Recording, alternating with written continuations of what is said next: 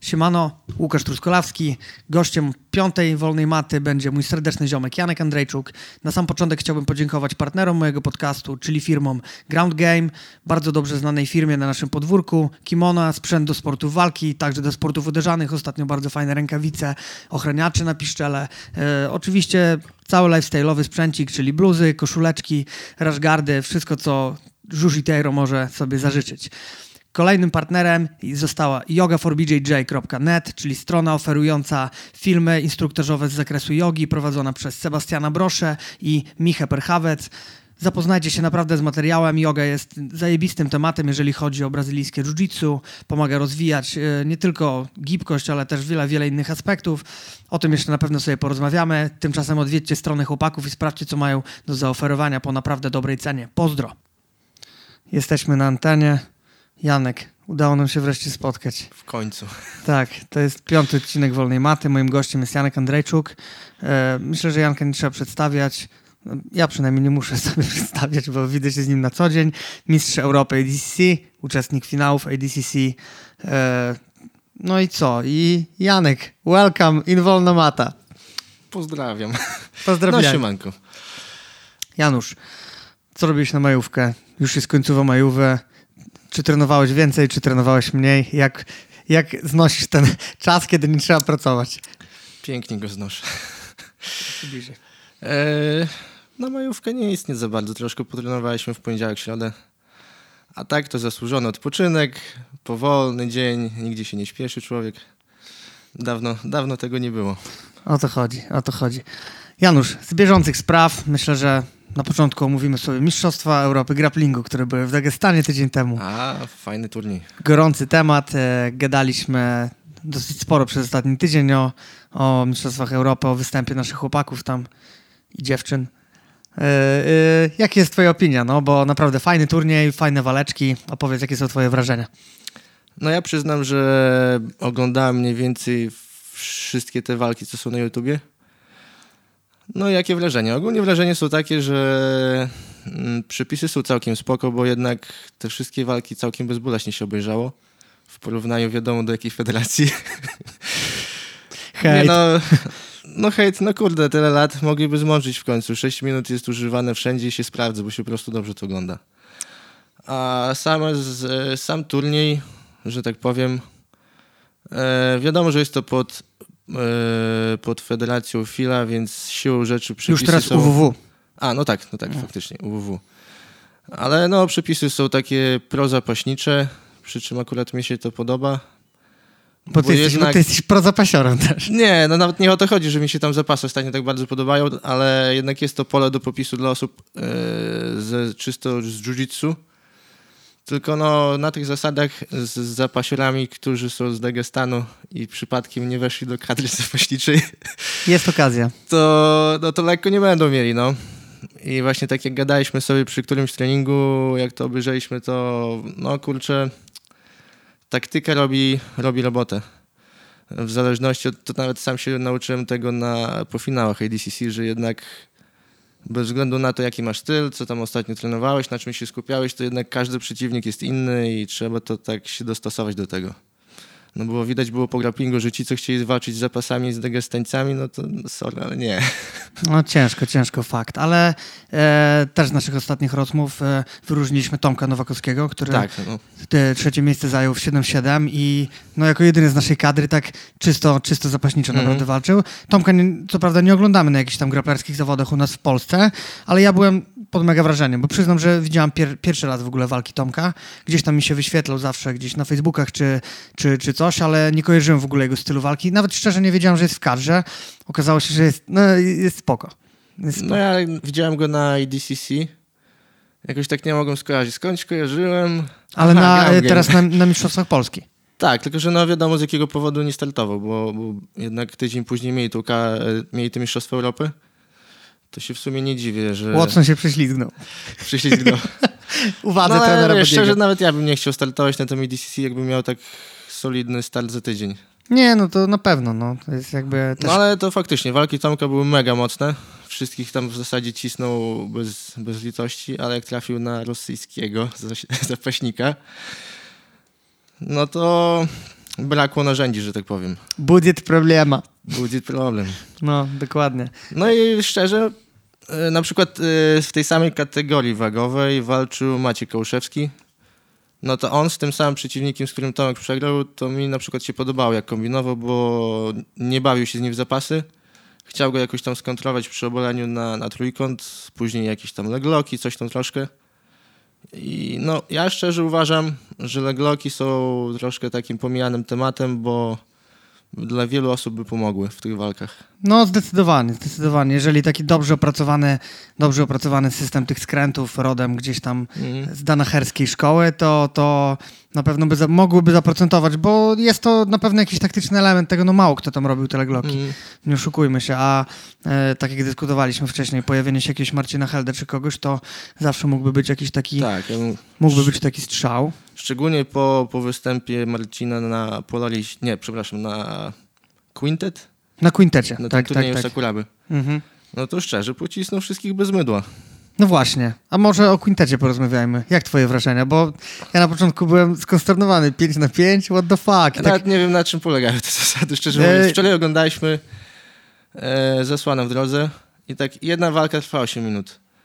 Co myślę, no dobrze, no to pierwsza walka, bo e, bo pierwszą robisz 8, jak wygrasz, to zostajesz, to pewnie druga walka 4 minuty, bo zostajesz. możliwe. Ale później z kolei od nowa było i pierwsza 4, druga 8 i nawet nie wiem jak to działa. Ja muszę przyznać, że nie oglądałem do dzisiaj tej gali. Tak? Widziałem tylko skróty. Aczkolwiek na sam początku byłem skonsternowany. Myślę tak, robił turniej na zasadach submission, czy szeroko pojętego jiu-jitsu. Wkładają gości od sambo i od judo i jeszcze robią formulę nogi i wkładają Team Polaris, który ma Craiga Jonesa, który ma Helda. I, no i jeszcze Stra- był... i Straussa. I, był, i, Stra, i, Stra, i Straussa, tak. No i był jeszcze Haleo Team, ale Haleo to wiadomo, no. Sakuraba, Josh Barnett, no to old school. Yy, był jeszcze Satoshi tam chyba też w tym. Tak, Więc- był Satoshi i było, był ten, jak on się nazywa, ten lekki taki Japoniec. Hideo Tokoro Liu Kang. i, i jeszcze jeden, takich dwóch dość doświadczonych zawodników MMA. No to raczej te Haleo Team to było zdecydowanie takie doświadczenie. No ale Polaris, no myślę, że u bookmacherów to by nie kosztowało za dużo, no, bo... raczej nie. No ale w każdym razie formuła fajna. Myślę, że dużo, dużo propsów raczej chłopaki mogą zebrać za to i Sakuraba za taką formułę. Zajebiście, że coś takiego się rozwija, nie? To jest... No jedynie nie, nie podobało mi się parę rzeczy. Wzięli sambistów z Litwy. Nie wiem, czy w Litwie ktoś w ogóle ćwiczy te sambo. Ale no wiesz, e, fajny, fajny pomysł jest na to, żeby robić konfrontację taką tych styli e, grapplingowych. No ale wypadałoby brać jednak czołówkę, a nie jakiś tam gości nie wiadomo skąd. Zdecydowanie. Ja pomyślałem nawet jeszcze inaczej, że jeżeli mamy robić turnieje, jeżeli mamy oglądać turnieje pięciu na pięciu, to jeszcze lepiej, żeby byli się teamami. To było w ogóle kozak. Masz Checkmat Team versus Alliance Team versus kurde coś, coś i masz No, piątkę kozaków. Bo to, tak, bo to wtedy wygląda, to, to jest działa na zasadzie ligi wtedy, rozumiesz, nie? Me, mecze pomiędzy teamami, gdzie masz w każdej Mhm. tak, tak kategorii jak u nas wagowej... e, Liga Tak Zapaśnicza. jak Liga Zapaśnicza. To jest najprostsze rozwiązanie, co więcej. Myślę, że to by mega było popularne. Wiesz, jeszcze Sakuraba y, no jest znanym nazwiskiem. Pierwszy turniej był promowany przez UFC Fight Pass, no a to nie jest tak łatwo, tak, żeby na UFC Fight Pass się wbić. Więc tutaj zrobienie czegoś takiego myślę, żeby było mega, mega rzeczą. Myślę, że na pieniążki też raczej nie narzekają tam, jeżeli mogli coś takiego zorganizować. No zobaczymy, zobaczymy jak się Szczerze, rozwinie. mogliby nawet w Polsce to zrobić. I tak mamy turniej, który już się tak nazywa, bo mamy Ligę Brazylijskiego Jiu-Jitsu, No mamy ligę, mamy. ale brakuje... W... I nawet ta nasza cała drużynówka, to tak szczerze mówiąc, e, nierówna, nierówna walka się No robi. jest nierówna walka, no ale Żadna rozkwina, kto wygra następną drużynówkę. no jeszcze kilka lat temu tak nie było, pamiętasz? No, ale fajnie by było, żeby taka mm, rywalizacja drużynowa nabrała troszkę innego wymiaru. Tak, Żeby był tak, faktycznie team na team, a nie na zasadzie kto, kto więcej, to lepiej. Tak, co więcej, właśnie być może taka akcja właśnie w Polsce by się fajnie sprawdziła. Zrobienie takich lig, nie? E, wtedy powiedzmy by się wyłoniły jakieś tam kadry w klubach. Mm, wiesz, zawodników, jeżeli powiedzmy tam z lekkiej wagi, czy coś. Tylko tu widzisz, też wchodzi podział na e, pasy, tak? To też by nie, no wychodzi, mi się wydaje, że to już nie, Tylko nie, czarne, warto, nie warto robić kategorii zaawansowania. Po prostu turniej ja wiem, jakichś głównych teamów albo każdego teamu, który ma kogo wystawić. Być może, hipotetycznie. Niech tak będzie. Zróbcie to. Zróbcie to. PZJJ, y, Polski Związek Zapaśniczy, zróbcie ligę grapplingową albo coś tam. W zasadzie mogliby, no bo co, zasady grapplingu są. Jedynie turniej zrobić. A powiedz, w ogóle nie ciągnęło cię nigdy, żeby spróbować sobie wystartować na tych grapplingach? Ale tam są kontrole antydopingowe. No tak, to teraz porozmawiajmy o dopingu. Jak długo? Zawsze. Zawsze.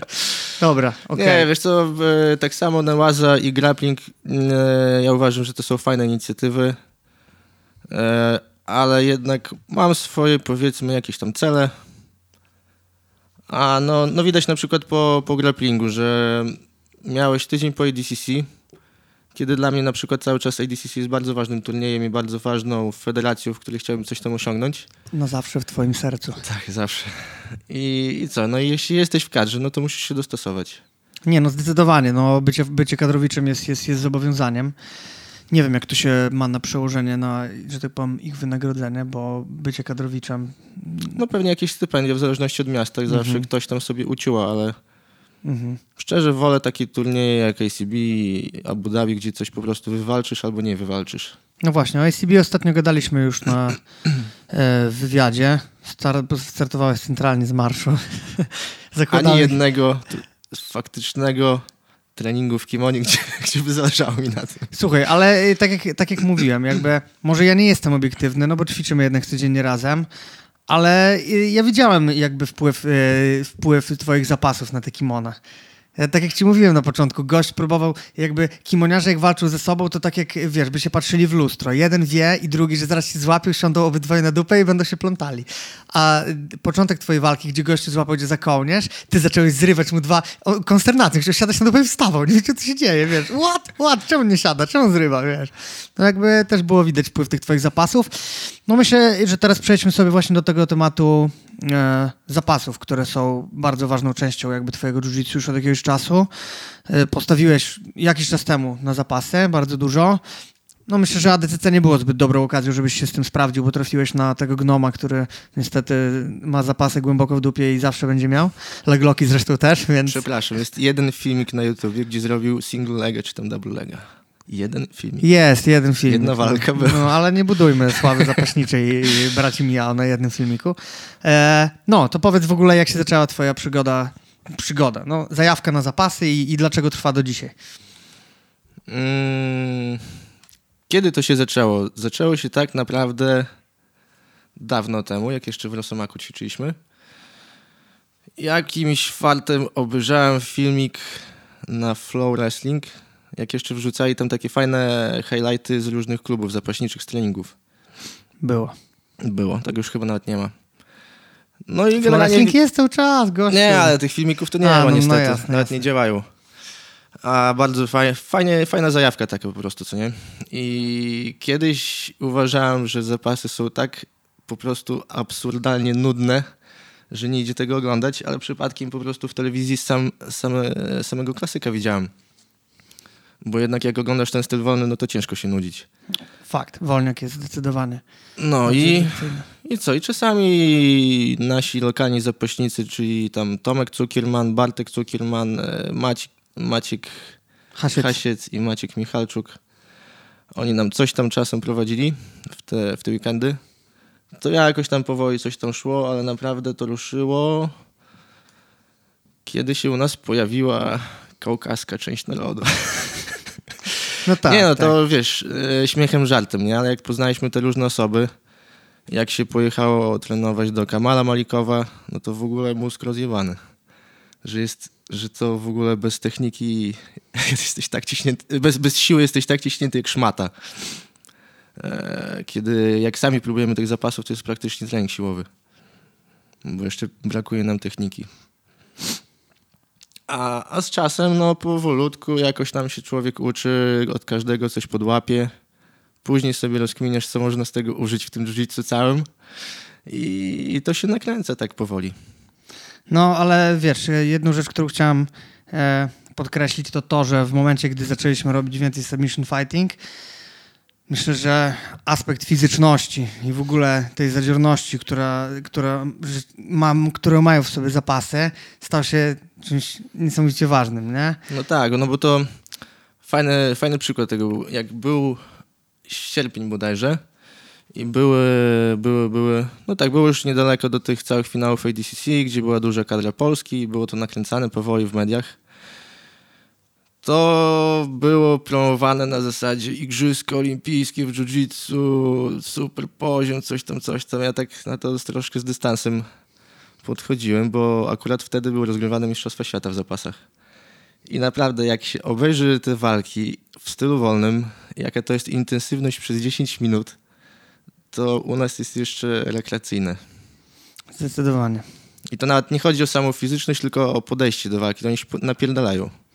A u nas jak ktoś mocniej kogoś trzaśnie po karczychu, to się obrażają na siebie. Ej, ej, ej gościu, co ty robisz? E, Janusz, no dobra. I teraz przejdźmy sobie do tego ADCC. Jesteś tak naprawdę ostatnim punktem na mojej mapce. Watson był jako pierwszy, był Wilku, był, był Gumiś. Nie, no jeszcze jest Kamil Lumiński, ale nie wiem, czy uda nam się spotkać dość szybko. E, powiedz, jak twoje wrażenia. Zacznijmy od samego początku. Losowanie patrzysz na karteczkę i co myślisz? Damn! No chuj, trudno. No chuj, trudno. Nie, no wiesz, to chyba nikt z nas nie pojechał z jakimiś tam dziwnymi oczekiwaniami, bo na ADCC od zawsze tak e, układają drabinki, że cieniasy z, e, walczą z lepszymi. Cieniasy to... A no jesteśmy cieniasami w oczach reszty na razie, nie, no, co w tym ADCC. No. E, także Szczerze to jedynie nie chciałem z Cummingsem walczyć, bo jest to kontuzyjne. I, I, wiadomo, że na tym poziomie, no, my w Polsce walczymy się, znamy, szanujemy, to ja komuś tam skręta nie chcę przyciągnąć. Ale taki Eddie Cummings, który mnie nie zdejmą w ogóle w dupie, czy ja będę zdrowy, czy nie, jak złapie to piętę, to różnie może być. Ale to jest e, trochę na zasadzie, kto mieczem wołuje od miecza ginie, ponieważ Eddie Cummings na przestrzeni ostatniego roku startował dwa razy i mówił, że jest jedną wielką chodzącą kontuzją, więc wiesz, nie? Ale to już wiesz, to już jest jego problem, nie? Musi sam sobie rozkminić, jak, e, jak w tym wieku trenować i tak dalej. Jak odpowiednio trenować w tym wieku. co jeść i, i co, co... Zresztą sam po sobie widziałem, od, odkąd stuknęło 30 na liczniku, no to musisz zmądrzeć już nie zapierdalasz tak jak kiedyś bez, bez diety, bez ładu i składu na maksa ciągle ile tam się da, tylko no już tak.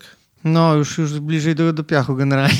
Nie, po prostu zmążyć trzeba i tyle. Ćwiczyć normalnie cały czas możesz intensywnie, ale... No, ale pilnować tej michy jednak i wszystkiego, nie? Jeszcze no. sobie. Zdecydowanie, no. No dobra, no przeszliśmy przez losowanie i mamy sobie teraz sobota, dzień startu i jak Janusz Andrzejczuk rano, kurde, się czuje, nie? Co, jadę dojechać tego mijał, czy nie nie spałem całą noc i jestem obsrany, bo nie wiem, co dla tego gnoma zrobić, czy go kopnąć w dupę, zrzucić ze schodów dzień wcześniej, czy co? Wiesz co, ogólnie to była komedia, bo oni na maila wysłali wszystkim zawodnikom tako, takie ostrzeżenie. Kto nie zrobi wagi, wlatuje na czarną listę. I oni nam napisali na początku, że wagę musisz mieć w piątek wieczorem po omówieniu zasad, jak jest weryfikacja, w sobotę rano w hotelu i na sali, jak zajdziemy. Okazało się w praktyce, że w piątek możesz mieć kilo tolerancji, a w sobotę kiedy chcesz, byle się zważyć.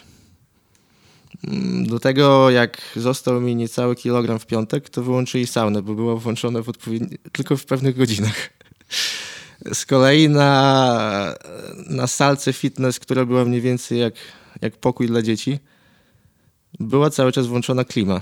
I się ubrałem w trzy warstwy ciuchów prawie i się w ogóle nie spociłem biegając. Także ze zbijaniem wagi to był problem troszkę. Co więcej, zrobiłem o kilogram za dużo. I to wszystko się odczuwało, więc w sobotę o 6 rano wstałem, bo było od 6 ważenie. Także jak najszybciej się zważyć i się nawadniać. Także tak mi się zaczął dzień. Później i generalnie wszystko szło zgodnie z planem, dopóki nie zacząłem jeść. Bo jak przyszło do, do śniadania i, i tych wszystkich smakołyków, które były w tej stołówce, to w ogóle bez zapamiętania. Bez zapamiętania, no niestety to jest... Nic, zero. To jest najgorszy aspekt właśnie tego zbijania wagi, że No nie da rady się pohamować. No, z, z jaką dietetyczką i z kim nie rozmawiam, to każdy mówi, słuchaj, tak jest. No, nie, nie, wiem, co, nie wiem, co z tym walczyć. Nie? To, to po prostu tak jest. No, człowiek potrzebuje i wiesz, i tyle. No. Ale o tyle dobrze, bo generalnie tak się objadłem, że jak już zbierałem się na salę, to bym nie był w stanie nawet walczyć. Ale na szczęście na IDCC zawsze i na Mistrzostwach Europy i na świata zaczynają od kategorii ciężkich. No tak, tak, tak. Lecą od góry do dołu. A to gdzieś to wiedziałeś pewnie, idąc na to śniadanie. Nie, nie, to była po prostu tylko nadzieja złudna. Hej przygoda, hej przygoda, lecimy, no. Zajebiście. No jakoś tam się uformowało, bo to koniec końców chyba było o 12 nasza walka. Jakoś tak chyba. Mhm, o takiej mhm. rozsądnej. No i weszliśmy sobie na tą matę. Pamiętam do dzisiaj. Mijało. Ostry jazz, nie? Ta walka była, była naprawdę ostrym gazem, nie dałeś się odpalić mu, fakt. No ale tak, e, to działało mniej więcej tak, że do 5-6 minuty miałem gaz, a później, kurwa, chuj, byle nie klepać. No. Już to trudno, nie? Po prostu zaczął mnie cisnąć, narzucił swoją grę. Ja byłem tylko w defensywie i mówi się trudno, no. Spoko, ale wiesz, no doświadczenie, kurde, zebrane na takich zawodach. Mało komu jest dane, wiesz, pojechać na ADCC. No i to właśnie, wiesz, fajne jest to, że taki turniej, bo na przykład byliśmy na Mistrzostwach Europy, to między mną a Kamilem, więc znaczy między mną a resztą i między Kamilem a resztą było widać przepaść. Tak. Bo byli ludzie, którzy w ogóle albo walczyli jak w kimonach od samego początku, co nie ma ani pół sensu, bo walczyli, były na przykład takie walki, że koleś widać, wciąga do gardy, sweepuje, przychodzi gardy za wszelką cenę, jeszcze punktów nawet nie ma. I później wypompowany w dogrywce próbuje walczyć o życie. No, to fakt. I było dużo takich osób e, pod ADCC niedoświadczonych i większość walk była taki, no taki przestrzał doświadczenia. A z kolei na finałach, no to już widzisz, że z każdym przeciwnikiem musisz walczyć inaczej. Już sobie w głowie ustawić, że walczę od początku tak i tak, bo z tym inaczej nie wygram. Jasne. Ja tego nie zrealizowałem ani w jednym procencie, bo e, plan był taki, żeby walczyć tak jak Mendes i Koblinia zawsze z, e, z Miał walczyli, czyli ściemnianie i zapasy. No ale nie wyszło. Głowa poszła w pizdu. Walczyłem, niby tam jakoś tam chciałem polować na nogę i i co, i w topa. No ale wyciągnąłem wnioski. W Lubonie, jak startowałem w tym roku, to jeszcze tak walczyłem, jak walczyłem, ale już w ACB sztywniutko się trzymałem taktyki. W ADCC. E, w ACB, przepraszam. W ADCC. W ADCC też. Aczkolwiek no, w ACB mi nie wyszło, bo w ostatnich sekundach przegrałem. A z kolei na Mistrzostwach Polski już tak z każdym na czuje walczyłem. Aha, z nim to lepiej w zapasy się nie bawić. No. Fakt, no to no. na pewno zaprocentowało, kurde, z finałów tych, nie? E, ale wróćmy jeszcze wcześniej, wiesz, bo myślę, że taką kwestią, e, którą chciałbym poruszyć i myślę, że ludzie są tego ciekawi, jest to, e, że naprawdę jadąc na Mistrzostwa Europy do Mainz dwa lata temu, już zaraz dwa latka stukną, jechałeś na swoje pierwsze zawody za granicę, pojechałeś i zamiotłeś, nie? Bardzo dobra rzecz. E, w dobie tego, jak widać, wiesz, że ludzie naprawdę obijają się, jeżdżą, startują na UAE, kurde, na IBJJF, jeżdżą na Openy. Ty pojechałeś na pierwsze zawody za granicę, udało ci się je wygrać. Powiedz, jaki miałeś wtedy, kurde, nie wiem, mindset i w ogóle przed tym wszystkim. Znaczy, mi nie musisz mówić, ja to wiem, tak, ale, ale jak, jakie nastawienie miałeś, jak, jakie ważne były dla ciebie ten start i, i generalnie wiesz, jaką miałeś motywację i jakie miałeś oczekiwania, no bo yy, kurde, nie startowałeś wtedy za dużo w tym ADCC, wkręciliśmy się w ten submission gdzieś, kurde, dwa lata w, yy, przed, przed mm. twoim, twoją Europą i nagle potrafiłeś tak przeprogramować swoją grę, że pojechałeś i zrobiłeś tam, nie? Czy to, nie wiem, czułeś, że poziom tam nie był może aż tak wysoki, czy... czy... Znaczy, wiesz, ja, e, jak się nastawiałem na ten turniej, to ciężko ocenić poziom, bo nigdy nie byłeś. No właśnie o to chodzi. No. A w ADCC nigdy nic nie wyszło, tak naprawdę jakiś tam, nie wiem, chyba brązowy medal na, na Mistrzostwach Mazowsza. Szacun. Pozdrawiamy Mistrzostwo Mazowsza. Tak. Chcemy powrotu. Na fanpage wrzucę jako wynik. Chcemy powrotu Mistrzostw Mazowsza. Mhm. To swoją drogą. No. A, no, ja to generalnie zawsze byłem raczej... Nie, nie miałem jakiegoś tam przyrostu ambicji czy czegoś i tak naprawdę po Ragnaroku, po tym jak powalczyłem z tymi wszystkimi naszymi najlepszymi, to sobie uświadomiłem, że coś tam jednak potrafię. Że można, no jak już z tymi sobie radzę, to można sobie tam spróbować coś dalej. A z kolei start za granicą, szczerze, ja na przykład miałem już mm, przesyt tej naszej kategorii 70 w Polsce, bo w kółko walczysz z tymi, z tymi samymi osobami. Wszyscy się znamy, każdy wie jak ten walczy, ten walczy pająkiem, ten... Każdy ziomeczek, nie? No każdy, każdy, wszyscy się znamy. A, a wiesz, na zagranicę nie startowałem, nikt mnie nie zna, popatrzył jakiś chłop z Polski, w kimonach jakieś tam walki są na YouTubie, No. jakiś byle ktoś. E, także to tak w głowie się działo jako, jako przewaga na pewno. Ale z drugiej strony jechaliśmy tym samochodem, wszyscy tysiąc ileś tam kilometrów w jedną stronę, śpiąc po, e, po jakichś tam parkingach, wszyscy zmęczeni. Po jakichś melinach. Winogrona jedliśmy z krzaków, zajebiste. Tak. E, I wiesz, się działo to w głowie, że wiesz, e, ciśniesz się tyle, tyle kurde kilometrów, żeby co, w pierwszą wpierdolić. No właśnie. To już jest taka motywacja, że wiesz, że i tak samo było ciężko w finale, do, bo jest taki mankament, przynajmniej ja go te, miałem zawsze na zawodach, że dochodzisz do finału i się czujesz tak w pół spełniony. Tak, to już jest taki wy- luzik jest? Wyjebane tam, Najwyżej drugie. najwyżej drugie, co No, tam, teraz no. to już na lajcie sobie walczysz, nie musisz coś tam. Brąz już mam. Tak. A, a wiesz, jesteś na, finał, na finale IDCC i to nie jest tak, że będziesz miał brązo, y, złoty czy srebrny medal, tylko jedziesz albo, Albo nie jedziesz nie na jedziesz, dokładnie, Świata. Tak, stawka jest inna. I, I wtedy naprawdę już było tak, taka misja w głowie, żeby się skupić i się nie rozkojarzyć, że to sami widzieliśmy, widzieliście, że, że z Wilkiem łaziliśmy i robiliśmy kółka po No. dwóch stronach sali. Tak. No to to było duże wyzwanie takie psychiczne. No właśnie, no właśnie i to jest, wiesz, kurde, mega rzecz naprawdę, żeby pojechać, tym bardziej, że Kamil e, jeździł na te Mistrzostwa Europy wcześniej, to były chyba trzecie jego Mistrzostwa Mhm. Europy e, i wiesz, no jednak obijał się i sam wiedziałeś, że się tak burza, naprawdę. Ja Mhm. jak widziałem chwilkę, myślę, o fuck, ty, rzeźnik, naprawdę kosa, nie? E, ty tam też sobie radziłeś z tymi przeciwnikami. W finale, nie wiem, czy ci to mówiłem, ale kurde, nie wiedziałem, nie byłem pewien, nie? Bo jednak myślę, kurde, Wilk doświadczony z tych ADCC, myślę, no nie wiem, jak ze skrętem będzie. No wyszło jak wyszło. Uważam, że naprawdę Kamil zasłużenie pojechał na finały, bo No ja dwa, tak razy, w, dwa razy w roku zabrali mu po. Znaczy nie zabraliście. Nie, nie zapytałem Wilka, kogo bardziej nienawidzi, czy ciebie, czy Watsona. Znaczy wiesz, tak no, nawet zdroworozsądkowo podchodząc, cały czas trenuję, cały czas startuję, cały czas próbuję, Tak, tak. drugie, tak. trzecie miejsce, no to wypada go wziąć, a nie jakiegoś tam chłopa, co już jest weteranem. Nie, no tym bardziej, że z takiego praktycznego punktu widzenia, wiesz, no dwa razy był drugi na Mistrzostwach Europy, to po co mają szukać po jakichś, wiesz, że tak Zresztą po... dobre zastąpienie, no bo wypadł Cummings, to wzięli gościa od skrętówek. O to chodzi, o to Ten chodzi. sam, ten sam rodzaj zawodnika wpadł tam. No ale burza facebookowa naszego środowiska zawsze działa, także myślę, że No. wszyscy dobrzy zawodnicy mogą liczyć u nas w kraju na wsparcie, jeżeli, jeżeli sobie prestiżem na to zasłużą. E, no właśnie, ale powiedz, jak, jak ważne było dla ciebie takie nastawienie e, psychiczne w twojej drodze w jiu-jitsu? No bo jednak znamy się bardzo długo, praktycznie od białego pasa. Wygrywałeś, pamiętam, na każdym poziomie. Pamiętam jeszcze, że w niebieskich pasach, pamiętam taki jeden sezon, w którym w Luboniu wygrałeś w niebieskich pasach Mistrzostwo Polski, Mistrzostwo Polski w kimonie zrobiłeś, e, potem Puchar Polski wygrałeś, już tak, że Andrzejczuk już tam trochę ten, nie, mówisz. purple belt już by się przydał jakiś. Tak, no to wiadomo, właśnie przez to, że się wszyscy znają na każdych zawodach. Znowu w niebieskich startujesz? No, no ale to nie mam na to wpływu. No, Ale wiesz, to pasy. wtedy były inne czasy, bo to nie jest tak pięknie jak to teraz, że wszyscy mają czarne pasy i zawsze od kogoś dostaniesz tą promocję. Wtedy było tak, że pasy, nawet belek nie dostawaliśmy przecież w klubie chyba.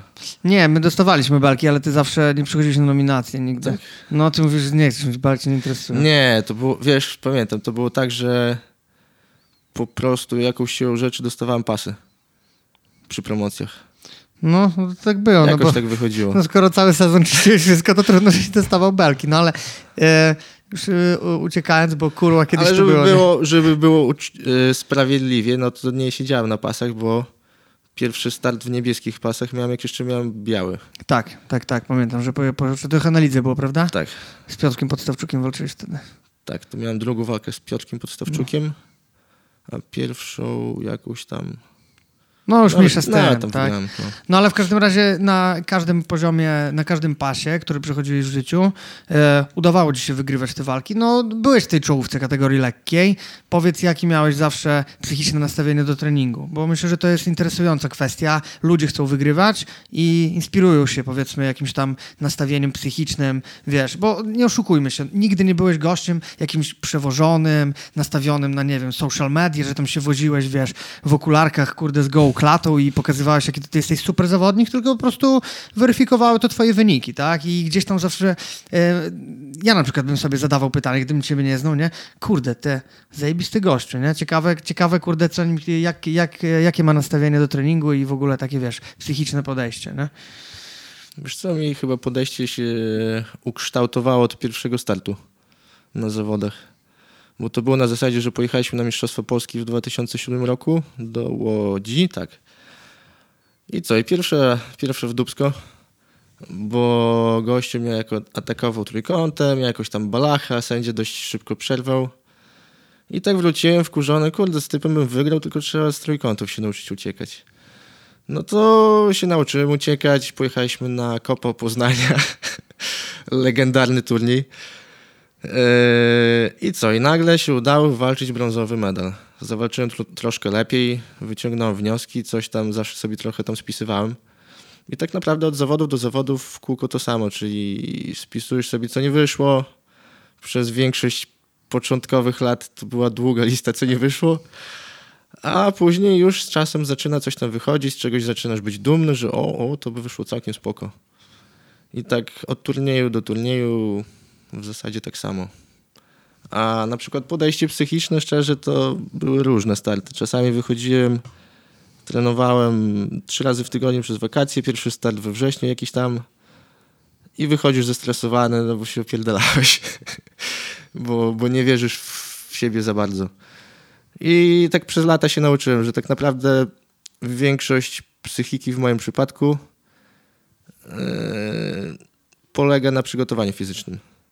Nawet nie chodzi o to, żeby być fizolem, tylko po prostu jeśli przetrenowałeś, przepracowałeś ten czas sumiennie, cały czas napieprzałeś, no to siłą rzeczy ciężko, żebyś spuchł po trzech minutach. Mhm, mhm. I to ci daje taki komfort, że nie, nie, nie starasz się jakby ograniczać w walce, że, a żeby się nie zmęczyć, tylko napierdalasz. I to właśnie fani widać w zapasach.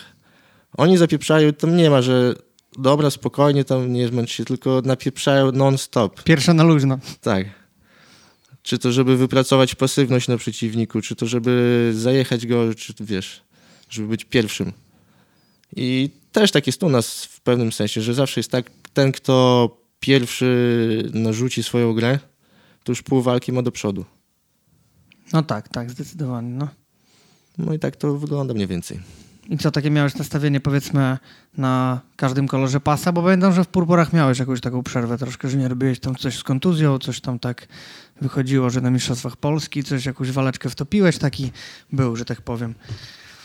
To znaczy na Gorszy purpurach czas. zależy, wiesz, bo czasami się walczyło w tym 7-6 po wakacjach.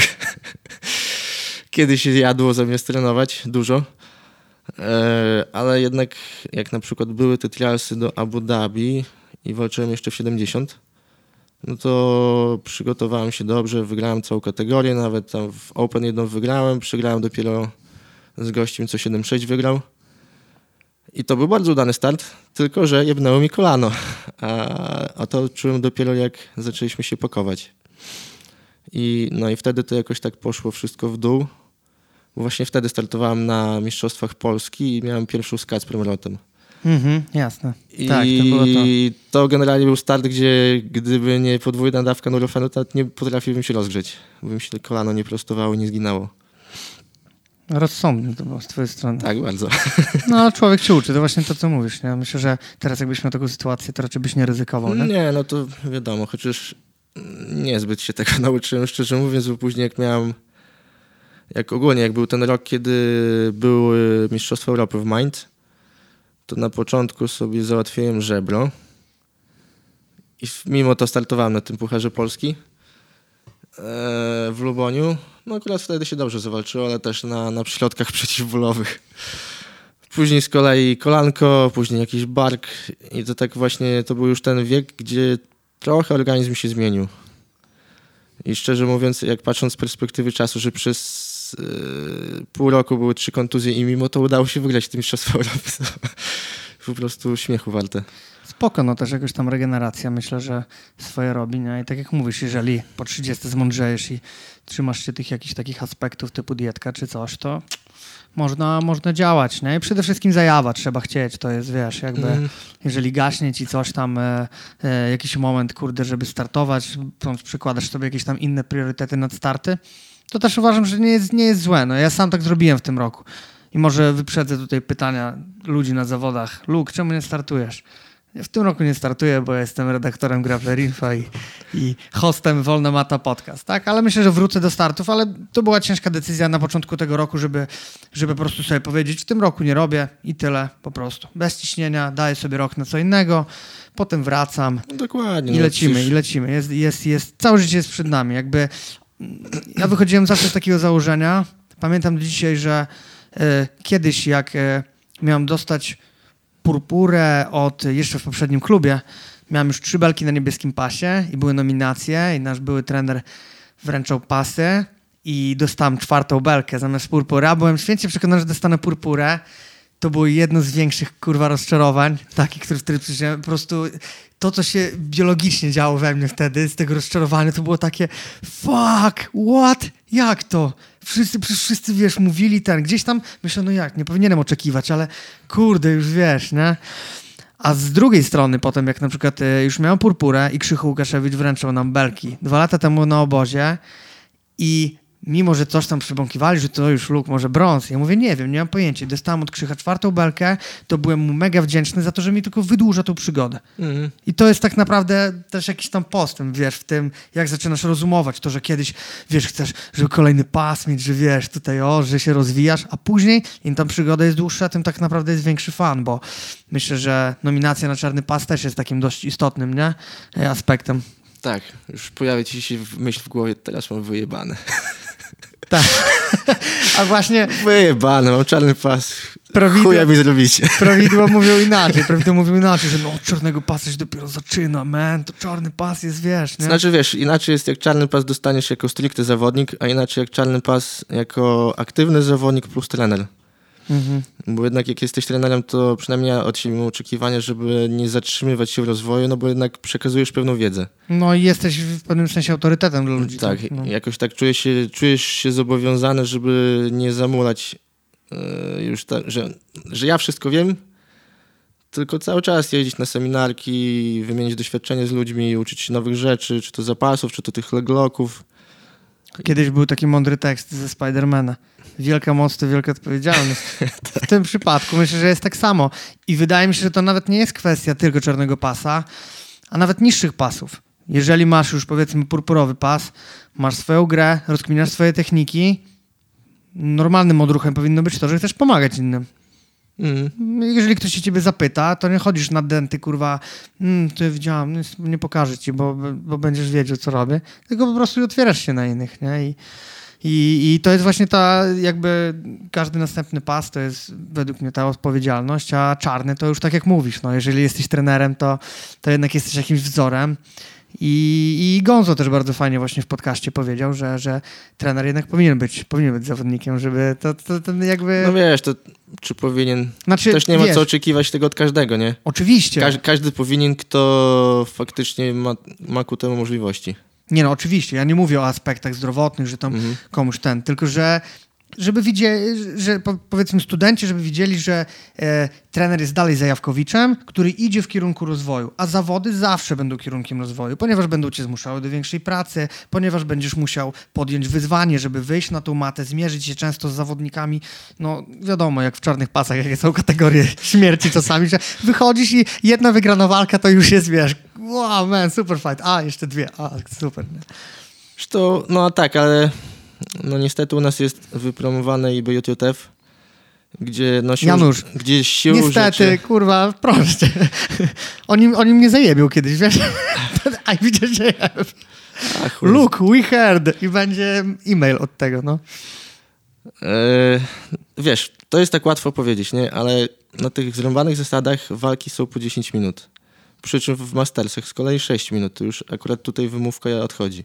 Nie, no oczywiście. Ale no wiesz, no też tak yy, łatwo sobie przekalkulować. No 10 minut walka, nie mam czasu, żeby się przygotować, bo 10 minut to jednak jest, jest trochę wysiłek, żeby włożyć te trzy miechy roboty faktycznie.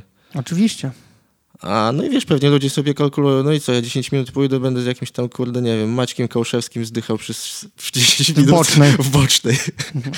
Mi się zdaje, że ludzie tak to kalkulują, no bo jaki jest inny powód, żeby nie startować? No chyba tylko to. No ale tak, ale sam wiesz, no z założenia. Kurde, no co ja będę startował, jak tam takie koty w tej kategorii. Ale jeżeli patrzysz, że w kategorii są koty i tylko dlatego nie startujesz, a nie pomyślisz, że jesteś ty wśród tych kotów, że ty też jesteś dla nich murem do przejścia. Nie jesteś, kurwa, tak, że wchodzisz tam na pożarcie. No bo gdybyś miał wchodzić na pożarcie, no to wiesz, zawsze stawiasz murek. Według mnie, jak jesteś czarnym pasem, to już masz pewne odruchy wybudowane. Możesz, może być różnica fizyczna, może być coś, ale masz odruchy i no, zawsze jesteś jakimś, jakąś tam przeszkodą dla, dla swoich przeciwników z kategorii. Więc pytanie, czy patrzysz na to, że w kategorii masz grupę śmierci, czy patrzysz na to, że ty jesteś w tej grupie śmierci i sprawdzasz, jak sobie poradzisz? Czyż nie? Mm, Nie jesteś w tym, ale wiesz, to też rozbija się o to, jakie masz podejście do startów. O tym mówię, Janusz. o Właśnie tym mówię. nie, bo większość, bardzo dużo osób ma podejście na zasadzie nie wygram, to nie jadę. Nie rozumiem tego w ogóle, nigdy nie rozumiałem. A jest, jest ten, a jak przegram, to co? A jak przegram, to nie trenowami, No. tak, to chuj. I jeszcze czekamy, aż Piotr BJJ zacznie robić memy, kurwa, z Wolnej Mata podcast. Tak, no kurde, ty jedziesz, żeby się sprawdzić, no trenujesz w klubie z muła, cały czas się klepisz z tymi samymi osobami, to tak z ciekawości pojechać, a ciekawe jakby mi poszło z takim SMS-em czy kimś tam. Tak, wiesz, ja na przykład rozmawiałem... Że ci pojedzie jak szmatę, to wiesz, pewnie ludzie troszkę w głowie mają, że a, trener przegra jak przegra w 10 sekund, to zaraz zaczną gadać. No. E, rozmawiałem na przykład e, z, z Kubą Witkowskim, przy okazji tam, nie wiem, ACB chyba. E, jeszcze, nie wiem, to już było po podcaście, ale właśnie on do mnie mówi, Luke, startuj w 7 w 7 ADCC. Wiesz, tak śmiechem żartem. Złośliwy. Ale, ale poczekaj, oczywiście, ale nie, bo e, sama puenta była taka. Mówi, nawet jak trafisz na Gamera w pierwszej walce, nie? Nawet jak trafisz, to to będzie największe wyzwanie dla ciebie i z tej walki możesz naprawdę dużo wynieść, nie? Na takiej zasadzie. Zwróć, zwróć uwagę nawet na jedną z naszych podopiecznych, której imienia teraz nie powiem, żeby nie było, że się stanie zbyt sławna, która walczyła ostatnio na zawodach i miała trzy przeciwniczki z topu.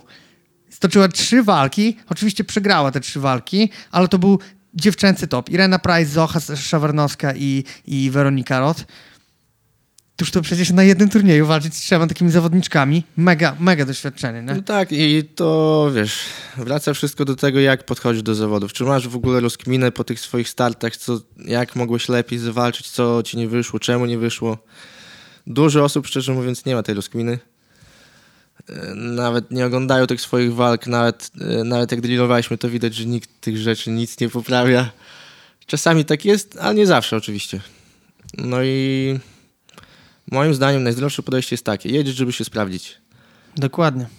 masz pierwszy swój start, patrzysz co ci wyszło, co ci nie wyszło. Wracasz, trenujesz po to, żeby być lepszym w tym, żeby nie pojechać na lamusa i trzy razy z rzędu wtopić trójkąt. Zdarza się. No po to, po to są te ucieczki, żeby je napierdalać. Nie są przyjemne, no ale musisz się ich nauczyć. To zawczasu uciekniesz, pojedziesz na następne zawody. O, z tym gościem znowu walczę w pierwszej, ale mnie nie skończył.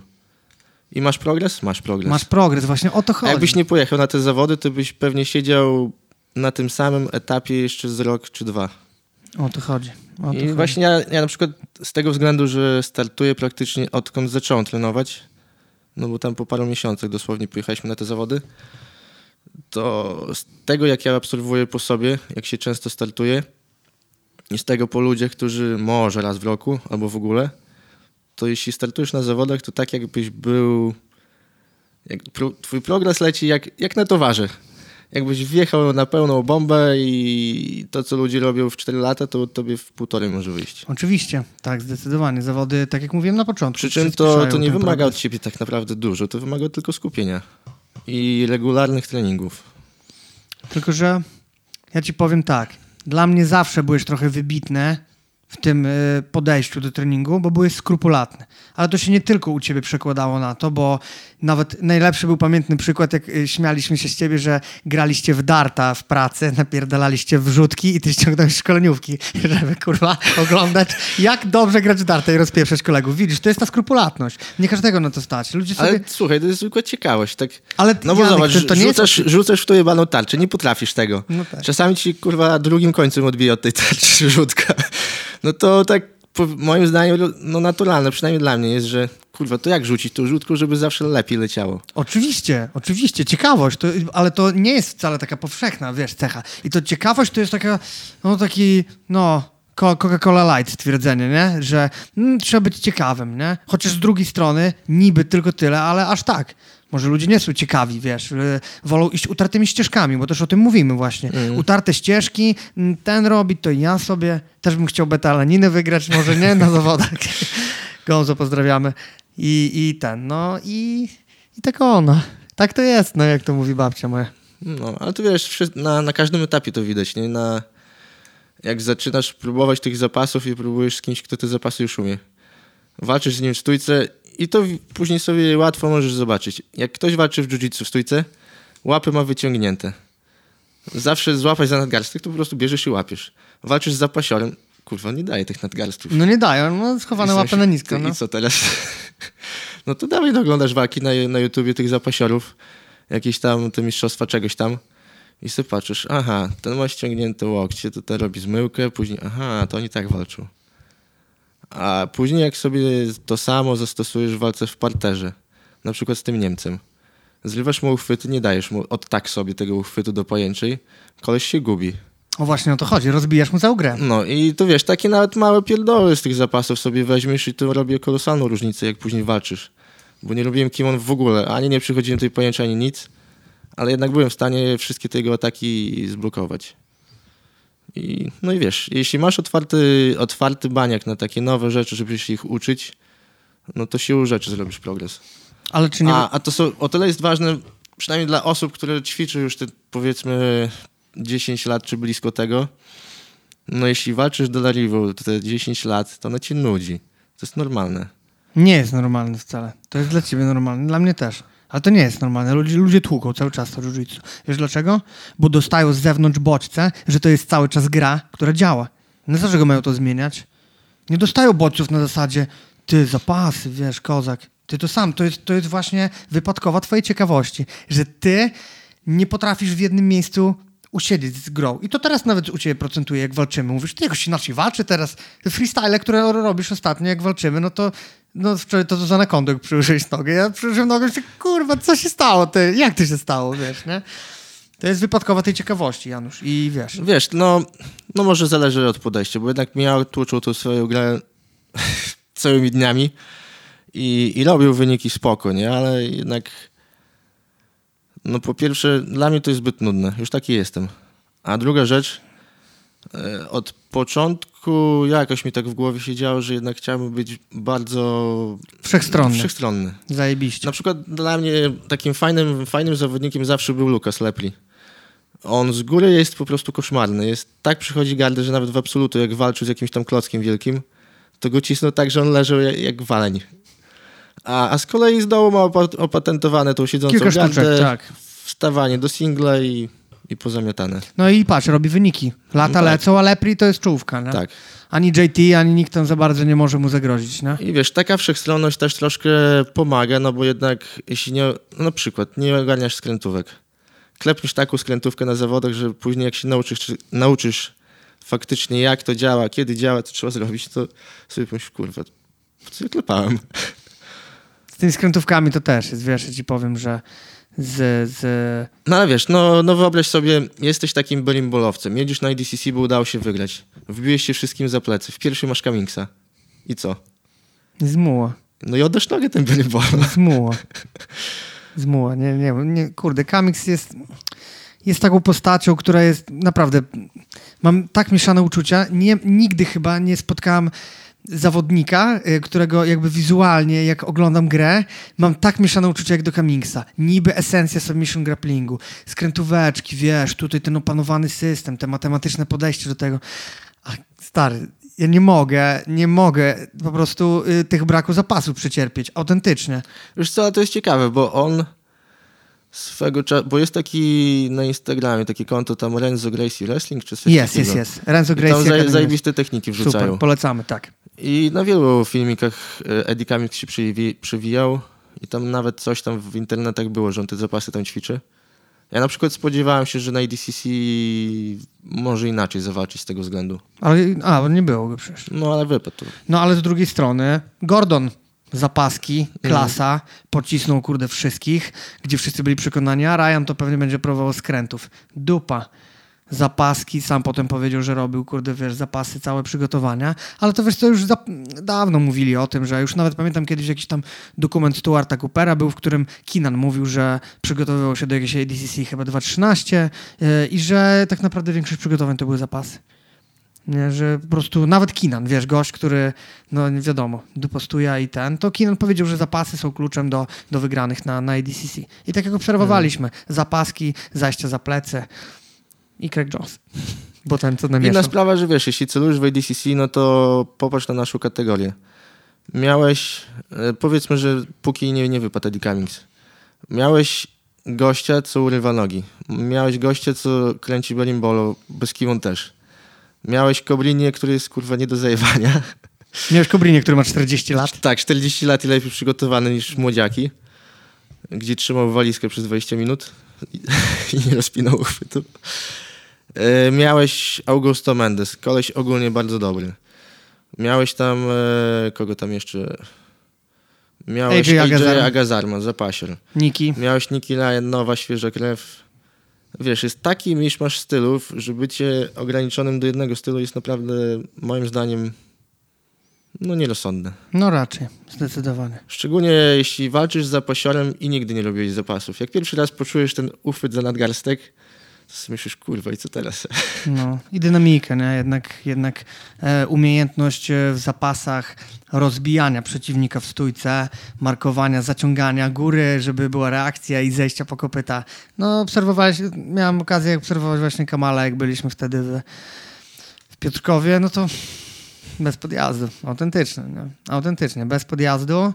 E, oczywiście grappling, no to wiesz, fajnie, że fajnie, że zapasiory, niektórzy, niektórzy zapaśnicy, niektórzy zapaśnicy mają otwarte banie, żeby też się uczyć jiu-jitsu. To jest Mhm. dobre, bo niektórzy, no spoko, fajnie, wiesz, walczą, próbują też jiu-jitsu, beton z góry, siedzą na kolanach, knee slice na szeroko, nie, przy, nie przetoczysz ich, jest po 6 minutach sparingu, jest dzwonek, okej, piątka i nic nie zrobiliśmy nie przez 6 minut.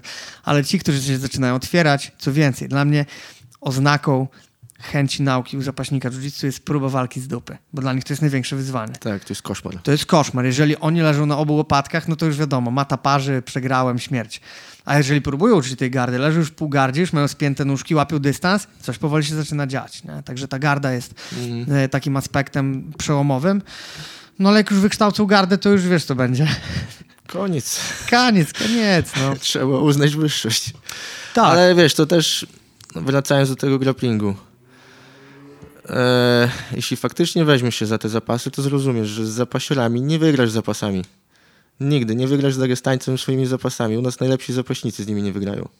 Trzeba po prostu sobie uświadomić, że jak masz później na tym ADCC gościa z Dagestanu, no to stary, dźwignie nogi i plecy. Tak wygrasz. Tak, Nie tak, będziesz w dogrywce z nim wygrywał na punkty. Tak, tak. I no po prostu, i to też wraca do tego otwarty baniak, nie? Uczysz się tych dźwigni na nogi, sobie rozkminisz, że albo zrobisz to dźwignię na nogę, albo może wbijesz się za plecy, bo ci otworzysz się troszkę. Wiesz, masz, masz narzędzie do walki. A jakbyś tego nie miał, nawet byś nie robił z tymi zapasiorami i pojechał na taki grappling, no to byś miał zderzenie z rzeczywistością straszne. Zdecydowanie, zdecydowanie, zgadzam się. No, także Także, Janusz, od, zbi- no, otwarty umysł popłaca. Tak, właśnie to miałem powiedzieć. E, Zbliżamy się już do końca. Za nami niecała godzinka bardzo dobrej rozmowy, gdzie myślę, że zapasy były e, motywem przewodnim. Z każdym gościem jakby staram się poruszyć jakiś tam temat, żeby ludzie jednak wyciągali coś dla siebie i, i e, dziś morałem naszej opowieści jest ćwiczcie więcej zapasów i, Bądźcie lepsi. i bądźcie lepsi. Dobra, Janek, dzięki serdeczne za rozmowę. Pozdro. Dziękuję.